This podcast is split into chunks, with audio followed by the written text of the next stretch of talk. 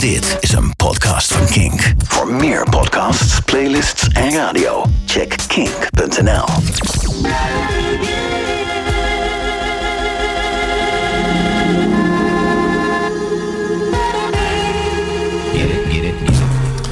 Mijn naam is Frank Stevens en voor mijn nieuwe programma Stoffige Vingers ga ik op basis van mijn platencollectie in gesprek met muzikanten, kunstenaars, schrijvers en allround muziekliefhebbers over hun favoriete muziek en platencollecties. Dit alles in de hoop nieuwe muziekstijlen en platen te ontdekken om met jou, de luisteraar, te delen.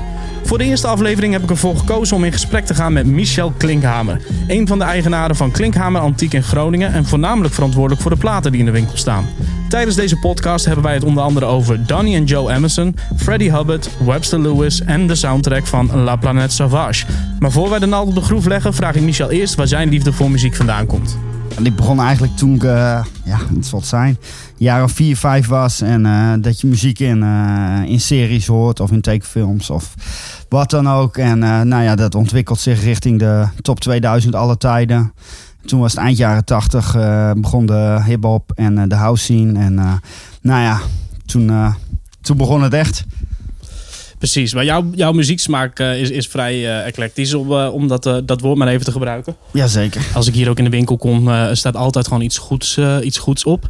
Um, kan je zeggen dat één specifiek genre is wat jou echt te pakken heeft gekregen en waardoor jij ook echt dit bent gaan doen? Ehm, nou, eigenlijk niet. Ik zal zeggen underground muziek, maar dat kan eigenlijk alle kanten op gaan. Van van modern klassiek tot aan, tot aan house en van hip-hop tot aan obscure improvisatie jazz. En ga maar door. Nou lijkt het mij wel een goed idee om uh, met de plaat te beginnen waar ik al heel lang naar op zoek was. Namelijk La Planète Sauvage. ik denk een plaat die jij wel regelmatig in je handen hebt gehad. Jazeker. en die het ook altijd wel heel goed doet in ja, de winkel. heel populair is. Laten we even gaan luisteren. Le Bracelet.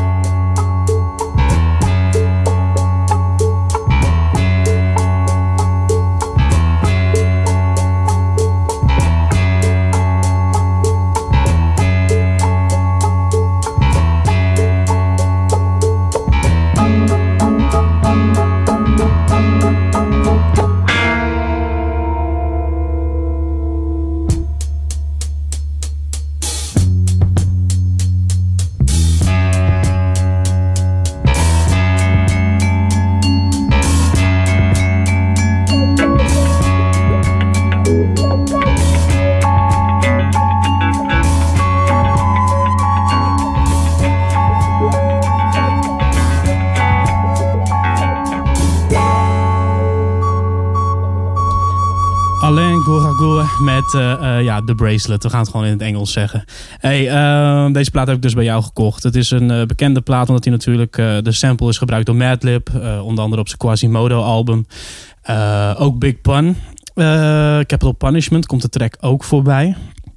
Hey, we hadden het er net al eventjes over terwijl we aan het luisteren waren. Het is niet jouw favoriete plaat. Nee, zeker niet. En het zal het ook nooit worden.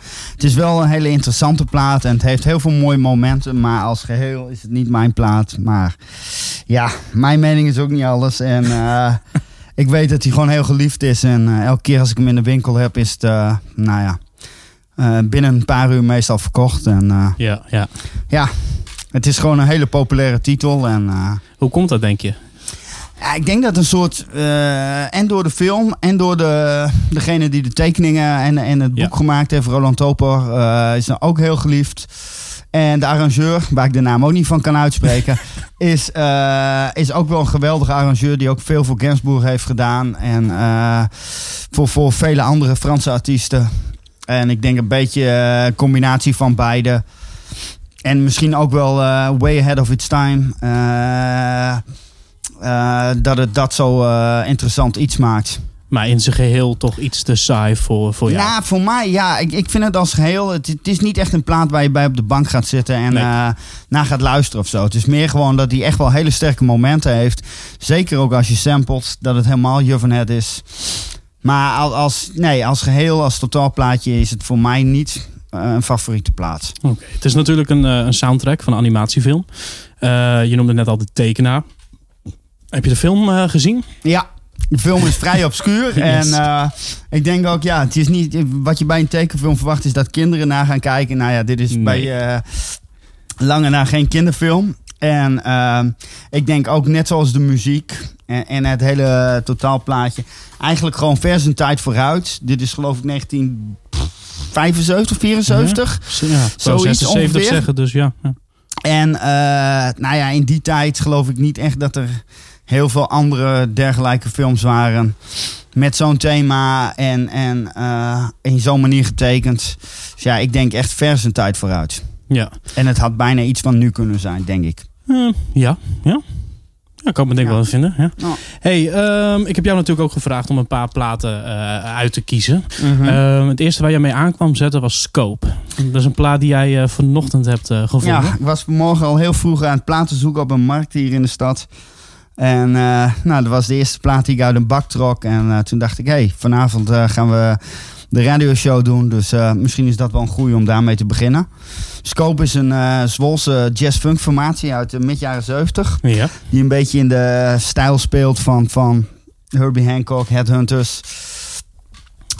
Met Rob Frank op Fender piano. Rob Frank is ook een hele grote pianist. Die eh, belachelijk veel goede muziek heeft gemaakt. Waarvan een heel gedeelte nooit uitgebracht was. En inmiddels door 678, eh labeltje uit eh, de Randstad, eh, weer wordt uitgebracht. En dat zijn veel dingen die, die gewoon altijd op de plank zijn blijven liggen. En ja, ik vind het een hele interessante groep en bijna on-Nederlands. Ik denk niet dat er veel bands in de jaren 70 waren die zulke muziek in Nederland maakten. En eh, ook niet heel veel eh, pianisten die op Rhodes speelden in die tijd. En Rob Frank is daar toch wel een van de grote in. Oké. En welk nummer eh, wil jij gaan draaien? Gaan we eens even kijken. Yes.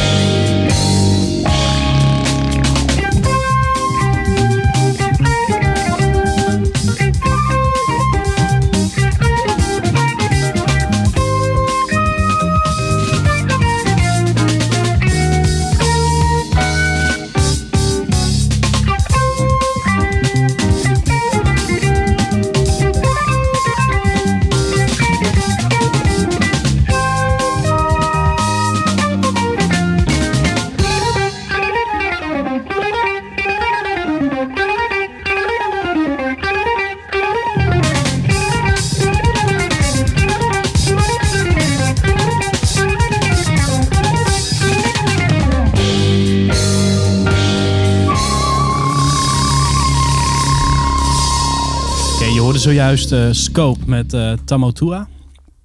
Van de tweede plaat van Scope uit 1975. 1975, Zwolle. Heb je, heb je enig idee van de geschiedenis van, van, van jazz en, en funk, laten we maar zeggen, in Nederland toen die tijd? Jawel, ik kijk, er gebeurde genoeg jazz en funk. Dat was er genoeg in Nederland. Maar ik denk dat het toch meer een Randstad dingetje was. Ja. En dat langzamerhand ook de rest van het land wel in de ban van de funk en van de soul en, en de jazzfunk kwam. Want jazz werd natuurlijk overal wel gemaakt in de jaren 50 al door heel Nederland heen. Nou, ik denk dat, nou ja, begin jaren 70 dat meer echt Randstadachtig iets was. En Scope is in 1971 opgericht in, in Zwolle. En in 74 hebben ze hun eerste plaat gemaakt. En in twee, of 75 hun tweede, waar dit uh, een track van was. Mm En Rob Franke was natuurlijk al langer wel uh, jazzfunk aan het maken. Die heeft uh, met de Rob Franke Organization in de jaren 60 ook twee platen gemaakt. Die eigenlijk ook allebei waanzinnig zijn. En daarna heeft hij ook wel een beetje veel easy listening-achtige dingen gemaakt. Om uh, een beetje cash in het laadje te krijgen. En uh, nou, dat is hem goed gelukt. En daarna is hij Scope uh, begonnen in Zwolle. Met drie andere muzikanten uit Zwolle. Waaronder drummer Henk Zomer. Ja, en dit was dus de eerste plaat of een van de eerste platen die je vandaag uh, uit de bakken trok. Ja, ik was vanmorgen om uh, acht uur uh, was ik plaatjes aan het checken op een markt. En nou ja, een van de eerste bakken waar ik in zat stond deze in één keer. En toen dacht ik bingo. En nou ja, die moest vanavond dan ook gelijk even gedraaid worden. Precies. Hey, we zitten nu in de winkel, Klinkhamer. Wat voor, uh, wat, wat, wat, voor mensen komen hier allemaal? En wat zijn een beetje de genres waarvan je merkt van... Hey, uh, kijk, er zijn natuurlijk altijd de mensen die uh, een Bruce Springsteen plaat komen kopen. Een Rod Stewart, weet ik veel wat. Maar merk je ook dat er een hele nieuwe lichting is aan, aan jongere kids... Die, die steeds meer gaan luisteren naar dit soort dingen? nou, ik, ik, ja, wat voor klanten komen hier? Dat is heel breed. Ik denk dat hier vanaf nou ja, laten we zeggen vier generaties achter elkaar aan. Dus van heel klein tot heel oud. Ja. En er is zeker een nieuwe lichting uh, platenkopers en jongeren die geïnteresseerd is in, uh, in muziek en iets tastbaars willen hebben en daar geld aan willen uitgeven. Wat in het begin deze eeuw toch heel anders was. Toen de mensen zelf een cd'tje gingen branden en begonnen met downloaden. Ja. En dat is in de laatste tien jaar heel hard veranderd. En je hebt gewoon veel uh, jonge mensen, dus laten we zeggen eindtiener, begin twintiger, die het leuk vinden om een plaat te kopen. En ik denk dat we allemaal op nul beginnen. Zo ben ik ook ooit begonnen. Klopt. En die kopen dan de top 2000 alle tijden. En alle klassiekers van de laatste 50 jaar. Dus ja, een Bruce Springsteen en een Supertramp en een Dire Straits en een Eagles. Dat verkoop je elke dag. Ja. Maar je krijgt ook wel mensen die zeer geïnteresseerd zijn in een bepaald genre. En daar behoorlijk diep in zitten. En zeker ook op jonge leeftijd al. En zie je dan ook al dat daar mensen bij zitten die vooral voor de eerste persing gaan, die echt op zoek zijn naar, naar dat ene pareltje? Of... Ja, kijk, je hebt altijd wel een groep die wil een origineel hebben, of, of een eerste persing, of, of weet ik veel, iets heel exclusiefs op, op een, uh, nou ja, een zeldzame persing of, of een kleine oplage. Maar ja, dat heeft soms ook wel eens een prijskaartje. En ik snap als je 18 bent en je zoekt een obscure jazz of een rockplaat of wat dan ook. Dat je dat niet altijd kan of wil betalen. Nee. En dat daardoor gelukkig ook heel veel heruitgaves zijn. En, en mijn wat latere persingen die meestal een stuk goedkoper zijn. Maar je hebt ook wel mensen die erg ver gaan en die liever uh, een week lang droog brood eten en wel die eerste persing hebben. Yes. En uh, ja, dat is ook wel gewoon uh, heel mooi. Hey, en wat is dan, uh, wat, hoe, hoe kijk jij aan tegen de verzamelaars? Want juist omdat sommige platen zo moeilijk te vinden zijn, uh, zien we natuurlijk, nou ja, zoals ik het zie in de afgelopen tien jaar, maar ik denk dat het al wel langer is. Uh, ik bedoel, kijk naar de Ultimate Beats and Breaks platen terug in de jaren, of zou dat zijn geweest? 70, 80? Ja? ja, dat was in de jaren 80. Uh, Misschien begin 90. Wat, wat vind je van die verzamelaars die allemaal uitkomen? Denk je dat dat uh, positieve invloed heeft op, op, op de luisteraars? Dat, ja, zeker. Ik denk dat dat een hele positieve uh, ontwikkelingen of, of, of, of, nou ja, een heel positief iets is. Omdat het uh, mensen uh, bewust maakt van wat er allemaal in de wereld is. En dat ze dan op den duur verder in een bepaalde scene gaan. Omdat ze ooit een track of een break hebben gehoord. En dat ze dan denken van, hé, hey, daar wil ik meer van weten. Of ik wil mijn die sessiemuzikant die daarop meespeelt, ja, ja. wil ik meer van hebben. Of de producer of wat dan ook. Dus ik denk dat die verzamelaars uh, heel positief zijn op de scene. En nou ja, dat je zo ook achter iets obscuurs moet, uh, kan komen. En vergeet niet toen die Ultimate Beats and Breaks uitkwamen in de eind jaren 80 dat ja, we zitten 15 jaar voor het internet. de kennis was natuurlijk veel beperkter. Ja.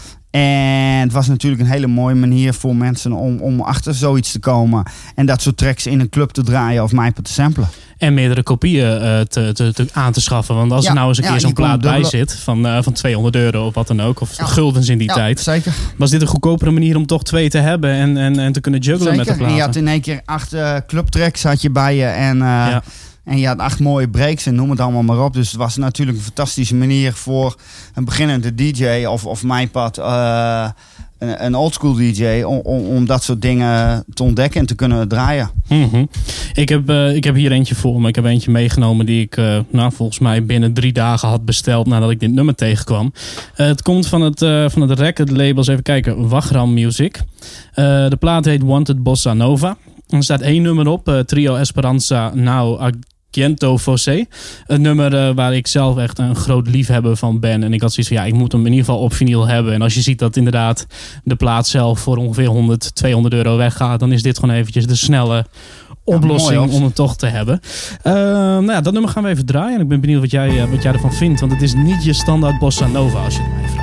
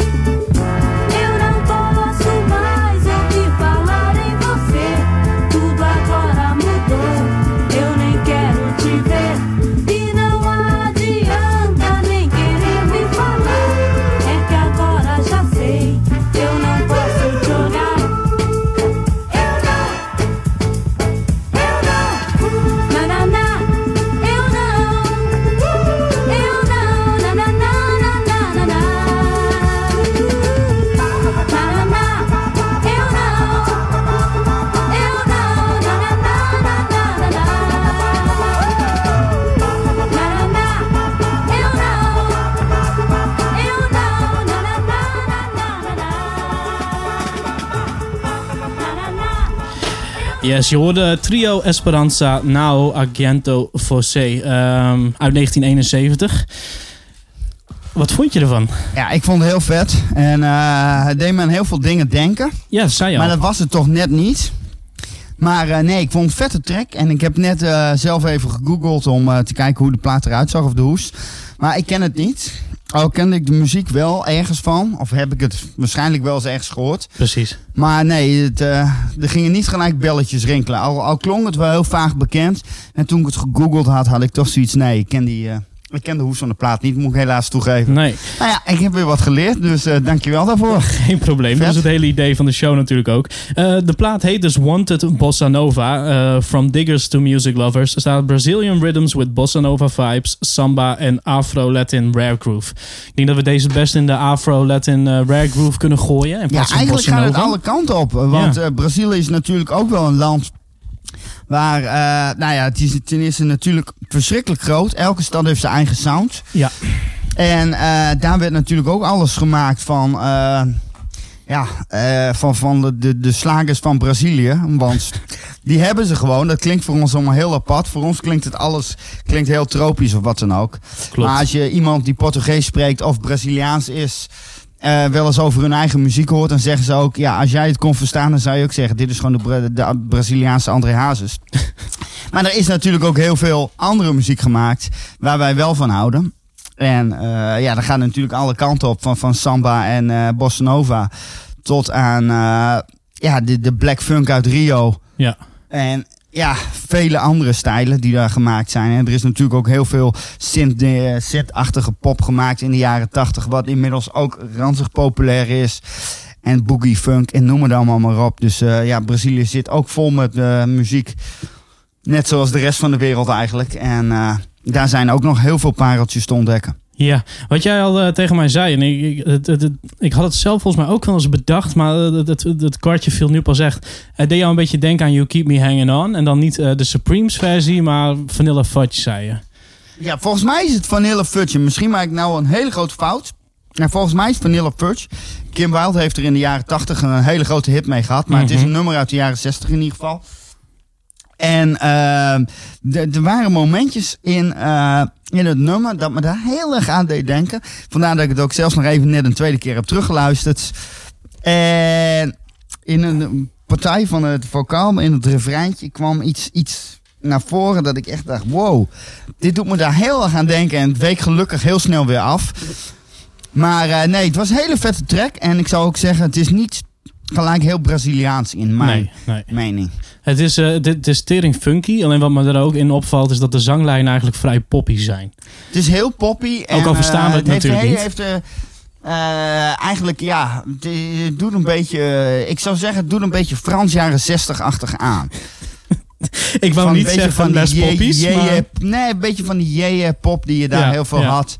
En ja, het zit, het zit heel ver in elkaar. En het is, ja, het is heel funky. En ja, ja, ik weet niet precies hoe ik hem moet omschrijven. Maar uh, geniale track. Het, het, het leuke aan deze winkel is natuurlijk, want ik vroeg al even aan je van, uh, weet je al wat de volgende track wordt, is dat je hier zoveel dingen hebt staan, ook uh, qua prijsklasse, van echt gewoon de, de, de wat goedkopere platen naar de wat meer zeldzame platen. Uh, wij gaan even een kijkje nemen door de winkel. Dan gaan we eens even op zoek naar een track die we, die we hierna gaan draaien.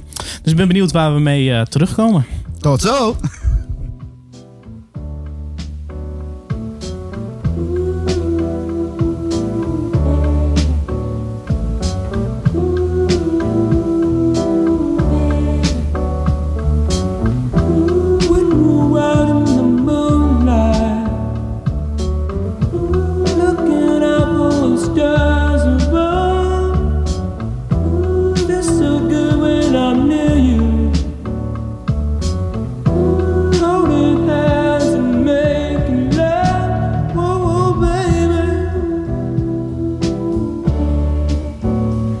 Yes, oh baby. Yes, oh baby. Yes, oh baby.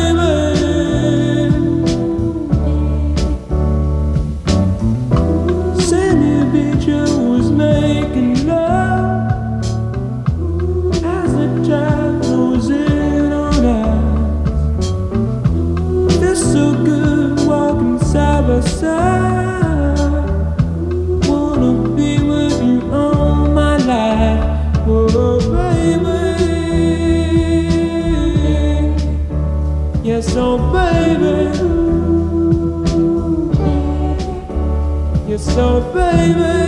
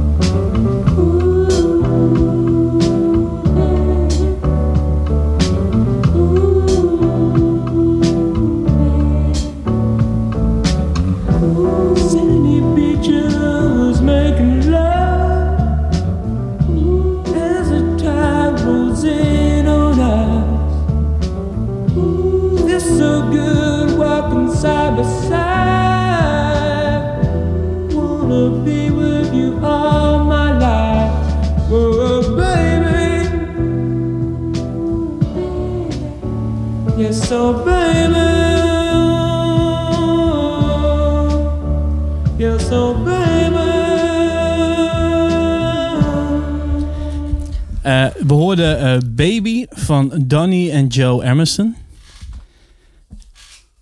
ja, ik, ik ben Kom er even op. stil van. Dat, dat, dat is echt even een kippenvel momentje. Eh, eh, wat kan je hierover vertellen? Ehm, nou, eigenlijk heel veel. Eh, ik heb deze plaat ontdekt ergens, wat zal het zijn, 2008, 2009. Toen Waxidermy, dat is een Amerikaans blog over veel privépersingen en veel soul- en funk gerelateerde muziek. Ja. En nou ja, dat blog dat werd overspoeld in één keer met hun plaat. En mensen die hem gevonden hadden en mensen die er iets over wouden weten. En nou ja, het begon eigenlijk een dikke rage te worden, tien jaar geleden ongeveer. En ik heb hun, eh, nou ja, toen gegoogeld en eh, uiteindelijk heb ik hun gevonden. En ben ik eerst met hun vader in gesprek geweest en daarna met eh, beide zoons. En die waren helemaal verbaasd dat iemand uit Nederland in één keer naar hun plaat vroeg. En die hadden eigenlijk geen idee waarom. Ja. En nou ja, zo begon het kwartje te rollen. Uiteindelijk eh, heb ik eh, nou ja, een paar honderd exemplaren in de loop der jaren van hun kunnen kopen. En in 2012 heeft Leiden in de Attic heeft het opnieuw uitgegeven. En eh, nou ja, begon het nog groter te worden dan het al was. En er is in 2014, als ik het goed zeg, heeft Ariel Pink samen met Damn Funk een cover ervan gemaakt. Ja. En nou ja, dit is gewoon een plaat die mij eh, zeer dierbaar is. En eh, ja, eigenlijk heel... eh, ja, ik vind hem helemaal geweldig. En het is toen eigenlijk gewoon een grote flop geworden. Ik weet een beetje van het verhaal, omdat ik best wel veel met hun gepraat heb in de Mhm. afgelopen tien jaar. En vader had eh 34 hectare land. En zijn zoons hadden een droom om, om een plaat te maken en een band te hebben. En hij heeft tussen de 30 en 32 hectare land verkocht om de, de droom van hun eh, jongens waar te maken.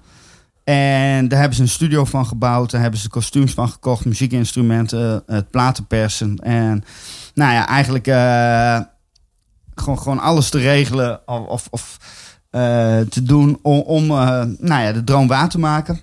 En uiteindelijk eh, is die plaat gruwelijk geflopt. Ja. En heeft hij nul verkocht. En eh, is het eh 30 jaar later pas herontdekt. En eh, begon het in één keer een hype te worden.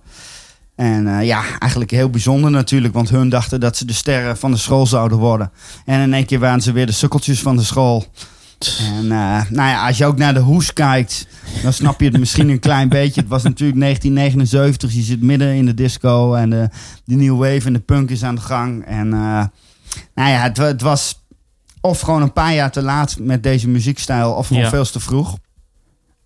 Maar ik denk dat dit eh, nu beschouwd wordt als een soort cultmeesterwerk. En eh, ja, ik vind het een waanzinnige plaat. En treden ze, hebben ze ook ooit opgetreden toen die tijd hiermee? Of was het echt zo'n flop Ja, dat dat er zelfs ze niet van toen wel gekomen op is? school of zo hebben opgetreden. Of, of in hun buurt. Ze woonden in, eh, als ik het goed heb, is het Portland. Mhm. En Fruitland is het dorpje waar hun vandaan komen. En ja, ik weet niet of ze toen echt tours hebben gedaan. Dat kan ik me amper voorstellen. Ik denk Ja. dat ze gewoon lokaal wel wat gespeeld hebben. Dat zal meer in kroegjes zijn of op, op mijn een schoolfeest. Eh, ik weet dat ze de laatste tien jaar wel weer heel erg veel aan toeren zijn. En dat Donny en Joe eh, in verschillende bandjes zitten. En dat ze ook met z'n allen weer gewoon toeren. Want eigenlijk is de band met z'n drieën begonnen. Het was Donny, Joe en Eldon. Ja. Elden is, eh, heeft er alleen op de eerste single meegespeeld, die twee jaar voor de LP is uitgebracht. Is daarna de band uitgegaan. Heeft geloof ik wel kleine stukjes op de LP meegespeeld. Maar hoorde eigenlijk toen al niet meer bij de band. En die wou toen vrachtwagenchauffeur worden, wat hij nog steeds is. En eh, Jezus. ja, eh An American Dream of zoiets. Ik weet niet hoe je het moet noemen. En de titel is ook wel gewoon eh Dreaming Wild is niet voor niets. Ze droomden heel wild. En uiteindelijk heeft hun vader alles voor hun geregeld. En nou ja, mogen ze heel blij zijn eh, dat het 30 jaar later toch nog een soort cult-item geworden is. En dat ze nu gewoon weer heel erg gewaardeerd worden en lovende eh, recensies krijgen. Er is een heruitgave. En ik geloof dat ze zelfs weer toeren. Er wordt, aankomend jaar wordt er een documentaire over hun gemaakt. Dus ze staan in ieder geval in de spotlight op dit moment. Wat eigenlijk heel terecht is. Ja, En eh, ja, dan maar 40 jaar later. Het, het was ook voor mij voor het eerst in tijden dat ik even kippenvel van een nummer kreeg. En, en wederom, net als de trio Esperanza die we net draaiden, allemaal heel ingetogen. Alleen je, je zette eerst per ongeluk een, eh, een, een ander nummer op, het nummer daarna. Ehm, en dat klonk weer to- totaal anders. Veel Ja, funkier, meer op tempo. De platen gaan er echt alle kanten op. Eh, er zitten hele dromige, psychedelisch-achtige nummers in. Maar er zitten ook wel wat meer funky-achtige nummers in. Of, of mijn pad. Eh, zoete 60s-achtige popliedjes in. Ja. Eh, ik zou het ook meer in een psychedelisch eh, tijdperk willen plaatsen. Dus dan zit je, nou ja, 69, 73 of zoiets. Qua muzieksounds. En door die groep verzamelaars wordt het ook wel heel erg gezocht. Al zijn er ook wel veel mensen uit andere genres. En dat vind ik wel heel bijzonder aan deze plaats. die het zoeken. Dus er zijn mensen die, die, die verzamelen jazz en funk. Die zoeken het. Eh, mensen die zoeken softe drumbreaks of softe psychedelica. Of MyPad gewoon rare privépersingen. Dus het heeft een heel breed raakvlak. Mhm. En wat eigenlijk wel heel bijzonder is, er zijn niet heel veel platen die door heel veel eh, verschillende groeperingen toch gezocht wordt en toch heel erg gewaardeerd wordt. En ik ken weinig mensen die dit een kutplaat vinden, om het maar zo te zeggen. Ik denk dat dat de perfecte, perfecte afsluiter is eh, voor alles rondom dit nummer. Hey, ik heb eh, nog een plaat meegenomen die jij eh, voor mij wist te scoren. Ik noemde het net al eventjes. Ik, ik kwam hier een keer langs en ik zei, weet je welke plaat ik echt nog moet hebben? Freddie Hubbard, The Body and the Soul. Want daar staat het nummer Skylark op. Eigenlijk een, een, een die door meerdere artiesten uitgevoerd is. Maar er is iets met deze versie waar ik, waar ik zelf enorm van hou. Ik ben ook blij dat ik hem eindelijk in de collectie heb. Dus we gaan even luisteren.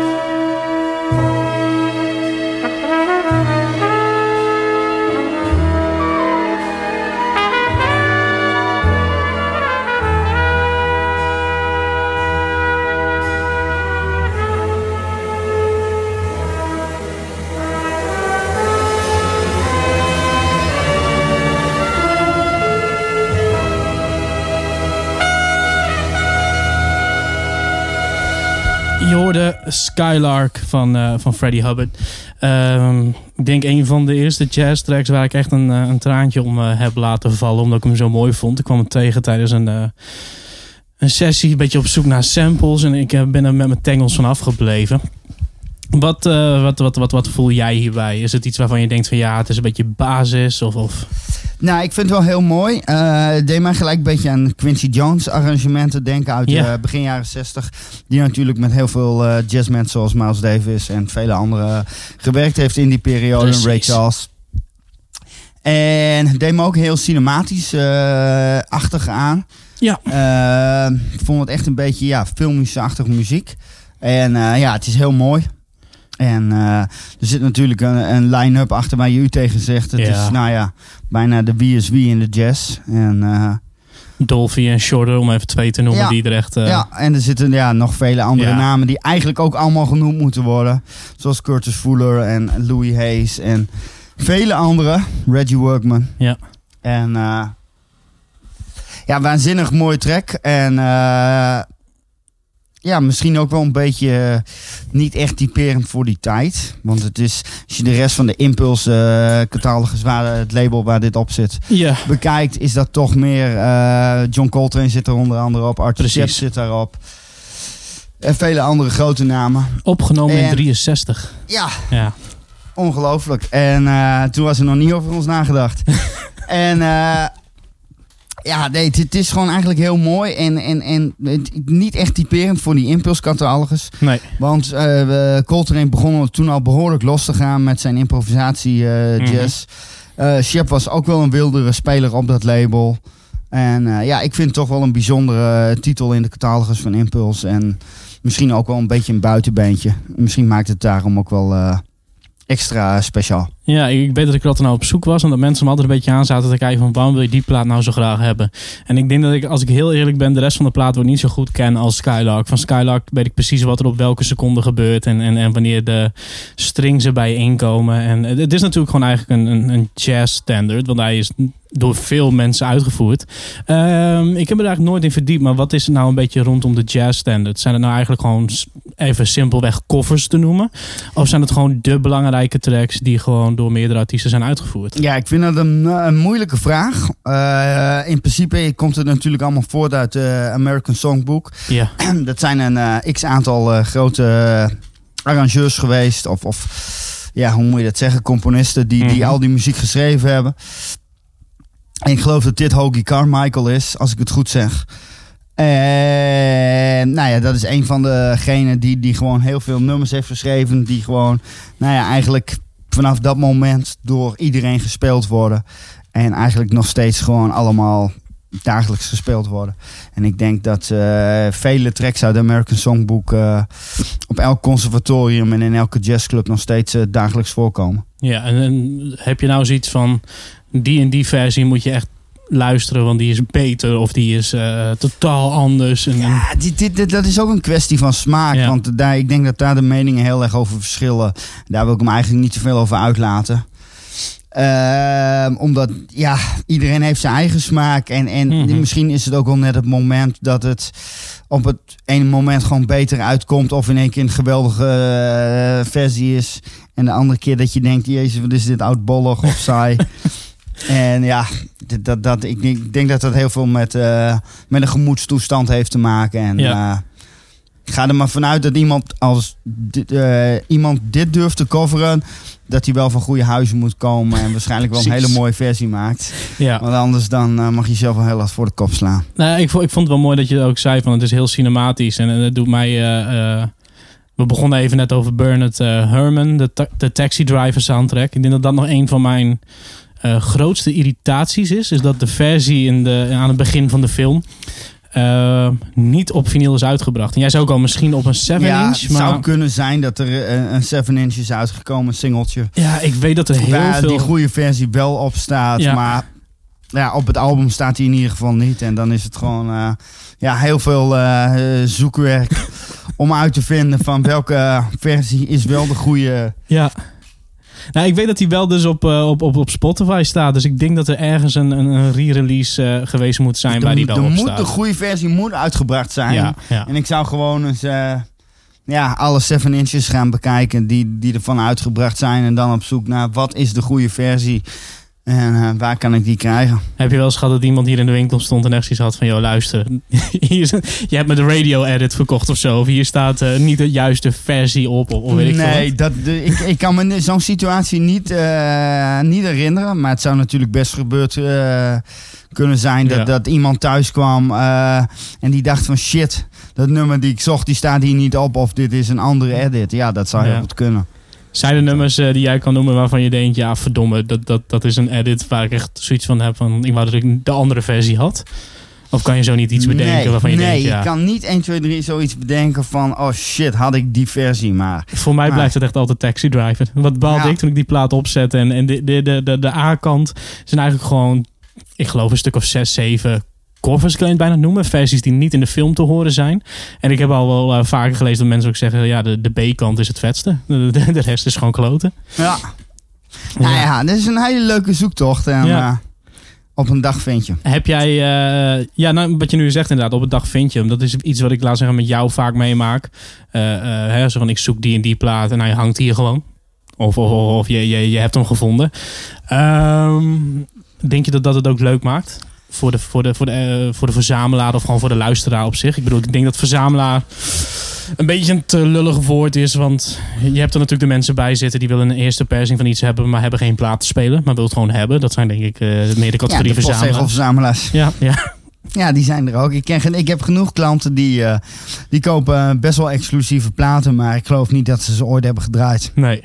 Maar ja, die zijn er, die zijn er ook. En ja, er zijn gelukkig eh, iets meer mensen die er wel naar luisteren en er wel van genieten. Ja. Wat ik ook heel belangrijk vind. ja, maar misschien een rare vraag. Krijg je er dan ook een soort van... Krijg je er nog steeds een kick van als je iemand een plaat verkoopt waarvan je weet dat is voor die persoon een hele belangrijke plaat en ik heb hem gevonden? Ja, zeker krijg je daar een kick van. En het is ook hartstikke fijn om, nou ja, net zoals wat ik met jou wel een paar keer heb meegemaakt, dat jij me om een titel vroeg en dat je een paar weken later eh, een berichtje stuurde van, hé, hey, eh, die plaat heb ik voor je.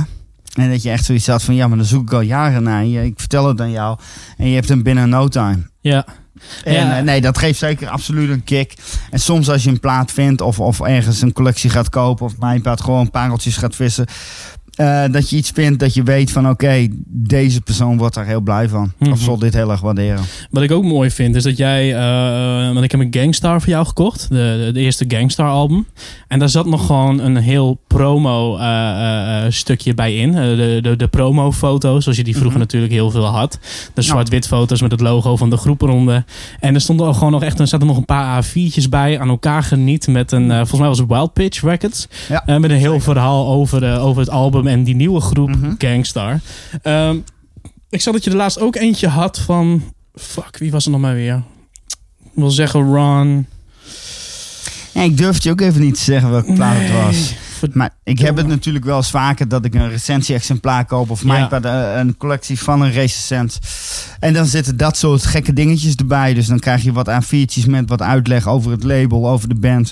Wie de artiesten zijn of, of, en of ze wat daarvoor hebben gedaan. En soms zitten dan ook van die toffe promofoto's bij. Ja. Zoals bij deze Gangstar. Wat echt een fantastische foto was. Ja, het ging mij om het album, maar verdomme, toen ik dat erbij zag, had ik Ja, zoiets van, ik moet nu heen. extra. Volgens mij heb ik je letterlijk gewoon een, bericht gestuurd van, ja, ik moet nu werken. Ik ben aan het werk om zes uur. Kom ik direct die kant op en ik koop hem van je, want echt... Ja, ik weet niet, ik hou dat- er wel dat- van. Dat zijn ook wel ja, de fantastische eh, momentjes dat, dat je eh, een plaat uit de hoes haalt en dat er in één keer iets achterweg valt. Of, of in één keer nog iets in de hoes ziet, zit wat je opvalt. En dat je denkt van wauw, wat is dit? En nou ja, soms zit er dan hele toffe een press kit zoals ze dit noemen. ja, Dat, dat er wat eh, recensie eh A4'tjes bij zit of stenciltjes. En soms wat foto's of, of wat andere eh, promotie eh, dingetjes. En dat is natuurlijk, dat maakt het extra speciaal. En als het dan nog een album is die je al heel lang zoekt. En je hebt dit erbij, ja, dat is toch eigenlijk wel het ultieme. Nou ja, ik moet er nu even aan denken, omdat we natuurlijk ook in deze winkel zitten. Heel veel antiek hier. Eh, eh, het zijn eigenlijk twee dingen. Want je, je, je hebt hier heel veel antiek, ook oude foto's, eh, sieraden, schedels, noem het maar op. Speelgoed. Ah, ik zie hier oude Dinky Toys naast me. Dus het is, ik bedoel, jullie bieden hier heel veel dingen aan. De andere kant van mijn vraag is, je hoort natuurlijk vaak verhalen over tweedehands platen waar nog allerlei gekke shit uitvalt. Eh, zijn er, heb je één dingetje dingetje waarvan je denkt, één anekdote van nou dat is echt wel bizar dat ik dat uit heb plaat wel, heb? ja, ik heb wel vaker natuurlijk gekke dingen in, eh, in, in, in, in platenhoezen gevonden. Maar ik weet dat ik een keer op een feestje was eh, bij vrienden van mij in Frankrijk. En dat hun op den duur aan mij vroeg van... Hey, wil jij een plaat eh, opzetten? En ik pakte een plaat, dat was Cerrone. Love in C minor. Eh, mooie discoplaat. En eh, ik eh, haal de plaat uit de hoes en er valt een naakfoto van eh, zijn ex-vriendin uit.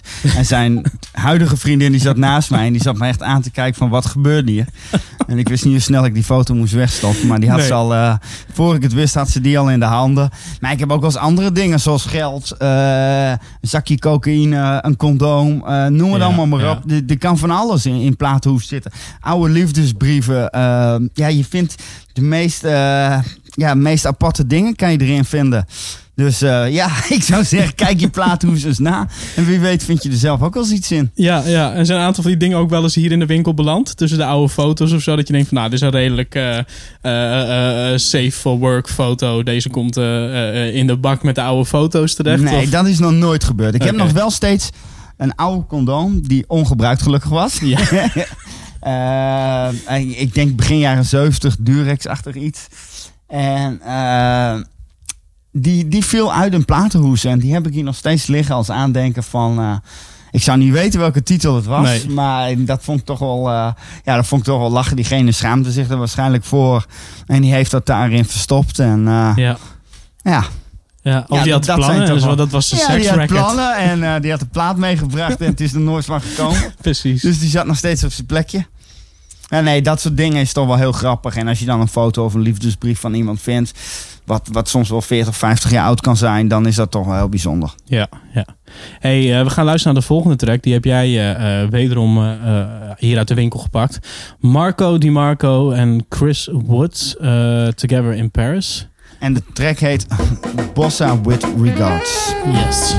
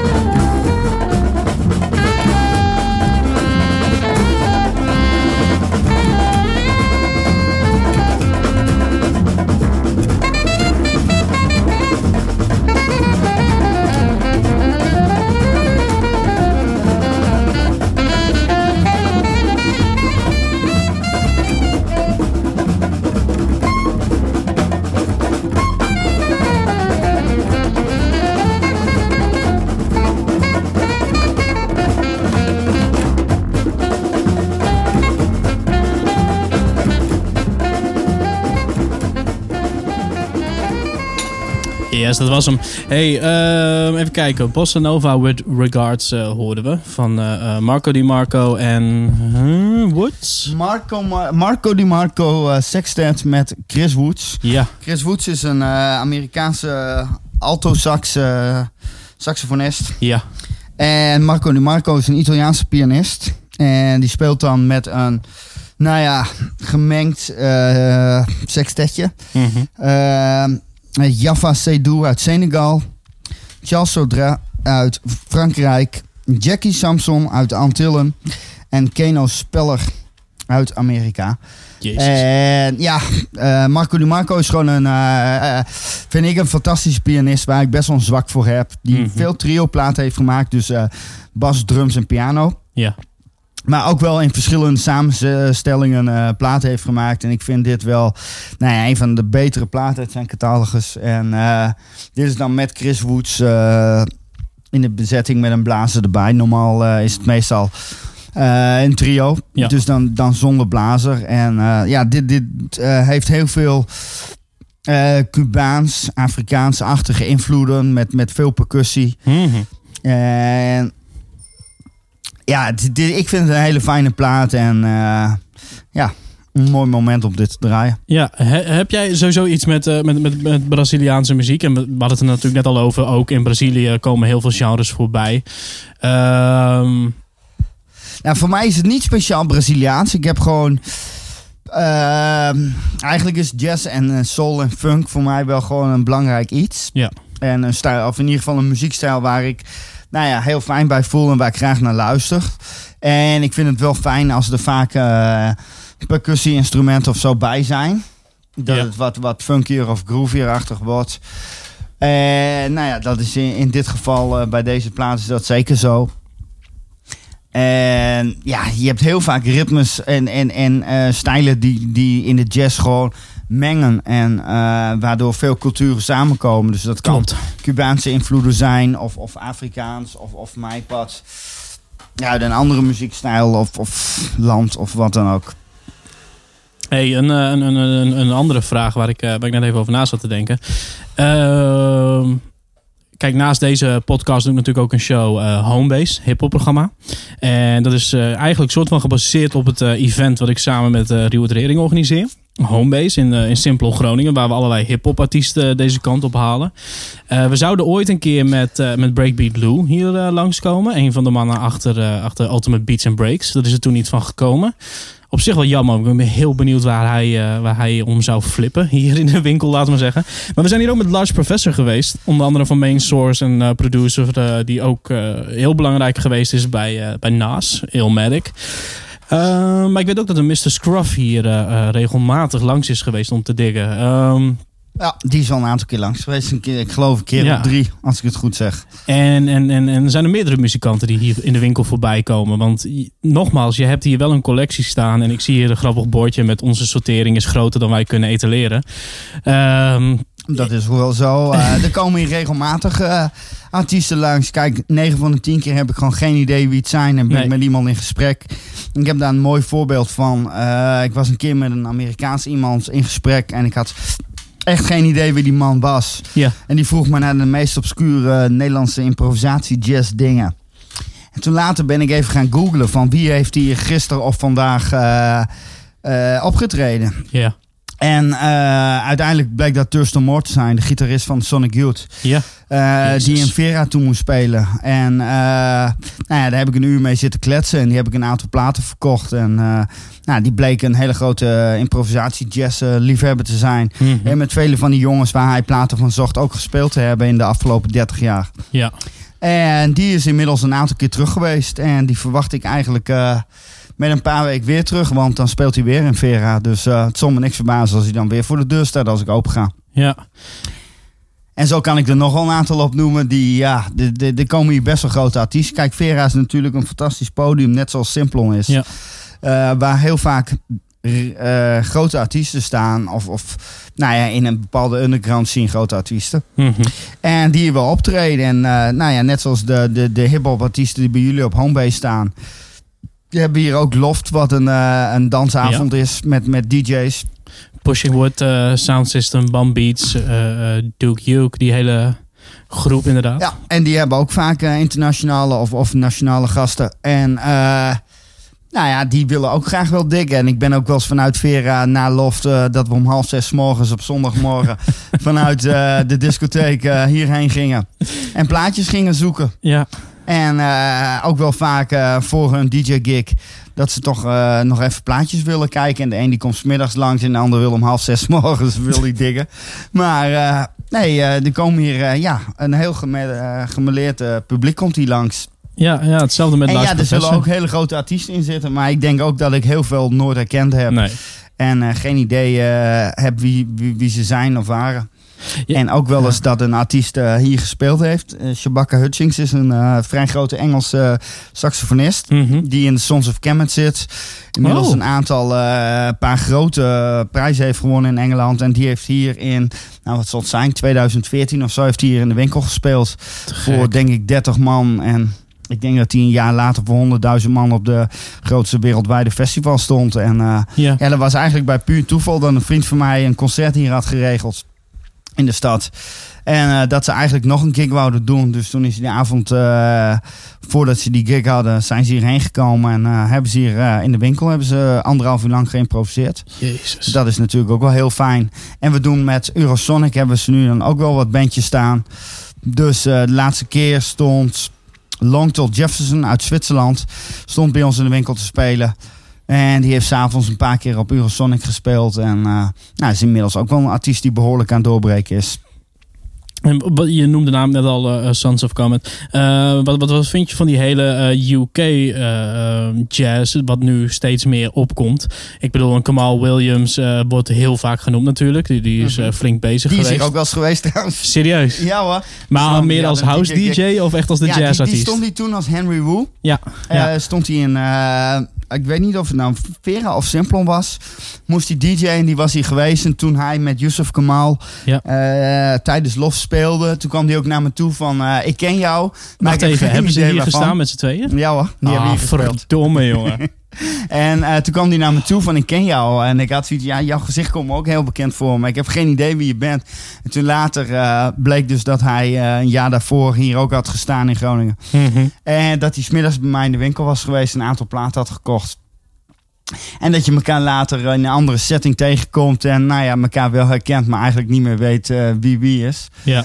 En ja, die zijn hier ook geweest en die hebben hier gespeeld in hun korte bestaan. Want ik geloof dat ze een jaar samen zijn geweest Ja. eh, voordat eh, nou ja, de boel explodeerde en Ja. eh, de band uit elkaar was. Klopt. Dat was ook een waanzinnig concert. Dat was tijdens Loft. Jezus. Maar wat, wat, wat vind je ervan? Van die nieuwe generatie die erop Ja, staat? ik denk dat in eh, Londen eh, een hele eh, ja, interessante scene op dit moment bezig is al een aantal Mhm. jaar. Ik denk dat dat al wel sinds begin 2010 is. En ja, daar komen fantastische artiesten uit, zoals, eh, zoals bijvoorbeeld Shabaka Hutchings, maar ook Nubaya Garcia, Ja, ja. die echt waanzinnig is. En vele anderen. Natuurlijk, Yusuf Kamal komt daar ook uit voort. En ja, zo zijn er nog tientallen die daar ook eh, bij horen. En eh, ja, het is, het is een hele interessante scene die gelukkig heel veel waardering krijgt, wat eigenlijk ook heel verdiend is. Stond uh, Nubaya Garcia nou hier op Rocket? Yes. Heb ik haar gezien? Jawel, hè? Yes. Ja, ik heb die plaat ook in de kast staan. Ja, ja. Ehm, ja, gewoon te gekke artiest. Ja, te dat- gekke artiest en een hele interessante scene. En eh, Ja. mocht je interesse in hedendaagse jazz hebben, dan zou ik dat zeker eh, gaan checken. Ja. Hey, eh, we hebben al even gekeken naar de volgende plaat. Want we gaan afsluiten met een plaat die totaal buiten dit alles valt. Dus die bewaren we even als laatste. Ehm, welke plaat gaan we nu opzetten? Want het is eentje eh, die, die, die, die, die, die, die vrij belangrijk is. En eh, de track duurt ook Ja, 17 het, het minuten. is een track eh, die, ik- die ik eigenlijk al vanaf de jaren 90, eh, vanaf dat de eerste compilatie uitkwam of, of de heruitgave, eigenlijk gelijk van zwaar onder de indruk was. En het is een Amerikaanse artiest die in Noorwegen woonde. En in de begin jaren 70 daar een plaat heeft ge- gemaakt. De artiest heet Webster Lewis. Mhm. En de plaat heet Do You Believe.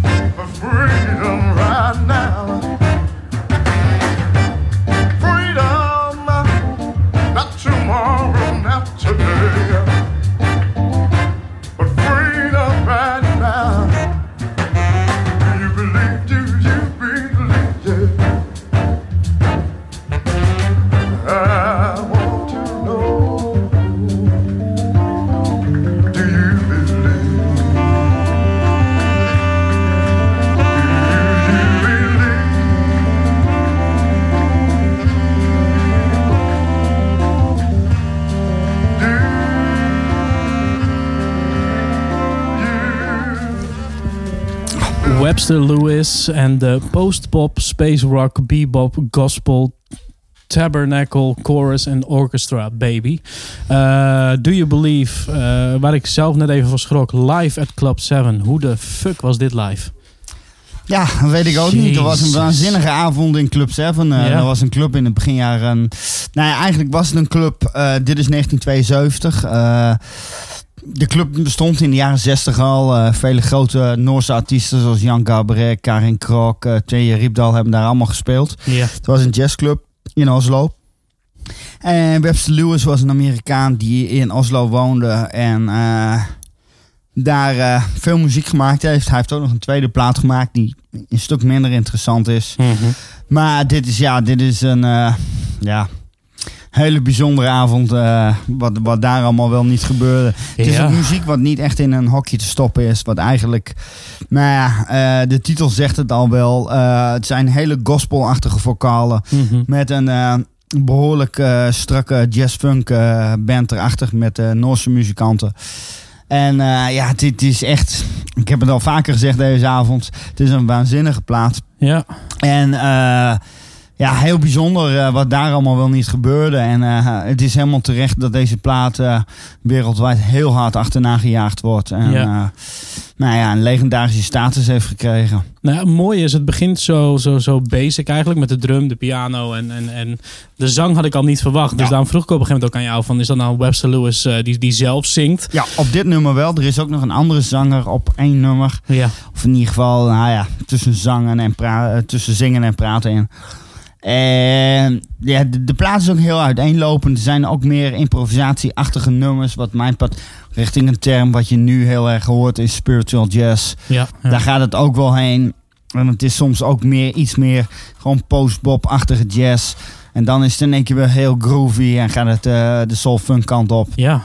En eh, ja, het is ja, een prachtige plaat. Het was niet eh 17 minuten, maar 21 minuten. Het was 21 minuten en 45 seconden. Ja, en op een Ja, gegeven moment had ik al zoiets van: oké, als dit zo doorgaat, prima. Maar toen komt dan inderdaad toch het moment dat het losbreekt. En, en, en, en op een gegeven moment vroeg ik ook aan jou: van, oh, dus dit is het einde? Dat was ergens Nee, drie kwart in het nummer. En huppla, daar ging Hij ging nog even verder. En eh, Ja. duur kikt hij ook wel in. En dan eh, begint de band wat losser en wat meer uptempo te spelen. En dan komt er weer een break. En dan eh, denk je dat het afgelopen is. En dan gaan ze rustig nog een keer verder. Dus eh dat moet een legendarische avond eh, geweest zijn in Club Ja. 7. Ja. Hey, eh, ondertussen waren we een beetje aan het praten over, eh, over, over Madlib en Egon. Eh, Madlib natuurlijk hip-hop producer uit, uit Oxnard, Californië. Egon zijn, zijn manager tegenwoordig, een van de oprichters van Stones Throw Records. En toen begon ik met jou over het album van Al Manfredi. En toen zei je, daar wil ik het eigenlijk ook nog wel even over hebben. Want ehm, zijn zoon is een eh, vrij bekende eh hip-hop producer, ook uit LA, eh Exile. Hij komt samen met rapper Blue, rapper Johaz, met wie hij de groep Dax Savage heeft. En Choosy, waarvoor hij ook produceert, naar de Simplon, 22 november. Staan ze op, op het event wat ik dus samen met die collega van mij organiseer, Homebase. Alleen Egon, die we net noemden, de, de manager van, van Madlib, die heeft dus ook een record label. Is dat nog steeds Now, Again, Records? Ja, dat is? Now and Again. Eh, en die heeft daar net een re-release van, eh, van uitgebracht. Maar jij, eh, jij was direct getriggerd rondom Elm en Freddy. Ja, ik, ik heb vrij goed contact met Egerton, zoals hij heet, Egan. En op den duur bood hij mij deze plaat aan die ik nou ja, helaas iets te duur vond. Ja. En ik had, of ik had het geld er niet voor over, laat ik het zo zeggen. En ja, dat is ook echt een, een prachtige privépersing. Ik ben sowieso Mhm. heel erg getriggerd door eh privépersingen. Zeker uit Amerika, omdat het daar eh, meer gebeurde dan in welk land dan ook. Ja. En ja, het is echt gewoon ook zo'n zo'n vergeten plaat. Net zoals we Donny en Joe Emerson zo straks behandeld hebben. Eh, die, die ja, gewoon eigenlijk ondergesneeuwd is. door alle releases die in Amerika dagelijks uitkwamen. En eh, een plaat geloof ik die in een oplage van 100 stuks is Mhm. geperst als ik het goed Ja. heb. En ik vind het een hele mooie plaat. En eh, helemaal terecht dat hij op dit moment opnieuw uitgegeven is. En zo kan die eindelijk gewoon nou ja, door iedereen geluisterd worden Ja. waar muziek voor bedoeld is. En eh, ja, een plaat die ik ooit nog graag als origineel zou willen hebben. Maar Mhm. ik had geen zin om een prijskaartje van 800 dollar op dat moment te betalen. Nee.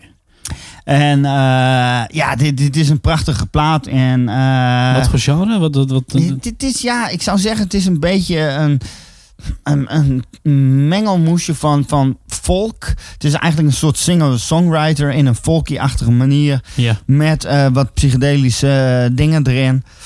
En ja, echt gewoon waarschijnlijk een hippie uit Californië. Die die plaat begin jaren 70 heeft gemaakt in een nou ja, micropersing van 100 stuks. Mhm. Om misschien een platencontract te krijgen of, of iets ermee te doen. En wat waarschijnlijk gewoon compleet geflopt is. En eh, voor eh, de zoveelste keer 40 jaar in de vergetelheid geraakt is. Ja. En uiteindelijk door zo iemand eh, op zijn label eh, een, een, eh, nou ja, een herkansing krijgt. Of een heruitgave. En eh, dan, dan ja, ja, een soort cultstatus begint te krijgen. En eh, in één keer door heel veel mensen gewaardeerd wordt of niet. En eh, nou ja, ook waarschijnlijk extra gezocht wordt. Dus ja, het, is een hele mooie plaat. En ik raad iedereen aan om een keer naar El Man Freddy te gaan luisteren. Yes. Hey, eh, we, naderen het einde. En ik, eh, ik, ik wou eventjes met een plaat eindigen die je totaal eh, waarschijnlijk niet verwacht. Maar toch is het een...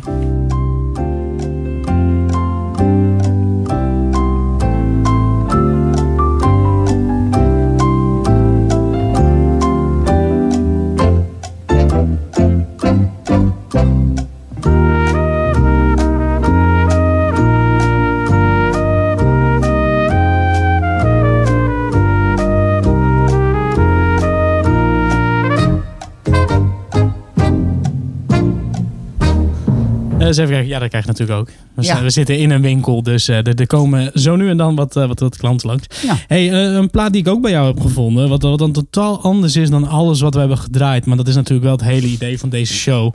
eh, ehm, dat alles voorbij kan komen. Toen ik eh, La Planète Sauvage hier kocht, zag ik daar eh, eh, Iowa van Slipknot hangen.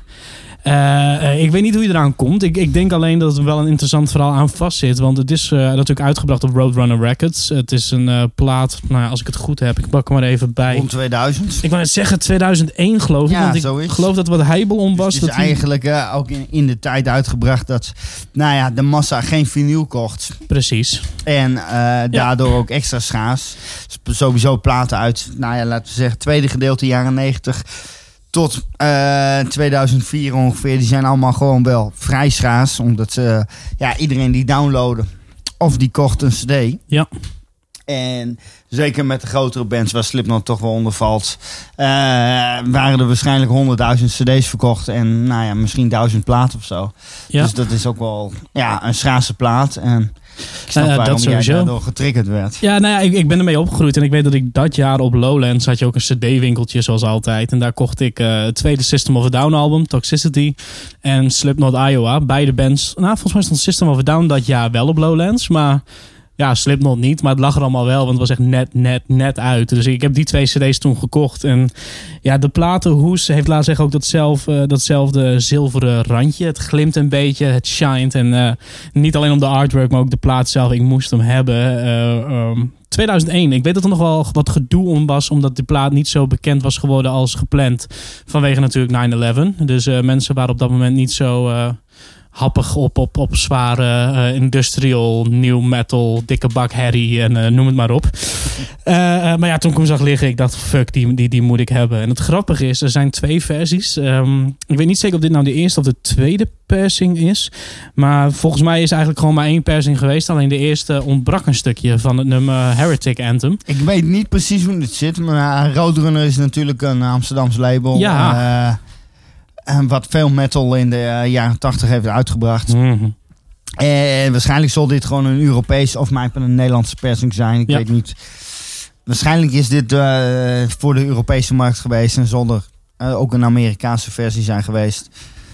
Eh, hoe dat precies zit, durf ik ook niet te zeggen. Het, enige wat ik weet is dat dus op één versie Heretic Anthem niet compleet opstaat. Die, die stopt gewoon halverwege en that's it. En het eerste wat ik heb gedaan was eh, de plaat opzetten. En hij stond hier dus wel, eh, wel compleet op. Dus dat is Ja, misschien dat hij in Amerika, ja, Precies. was er iets geband of, of, of geboycott of weet ik wel. Ik dat geloof natuurlijk inderdaad- heel goed met de 9-11 toestand te Ja. maken hebben. Dat mensen heel voorzichtig waren van wat kan wel en niet. ja.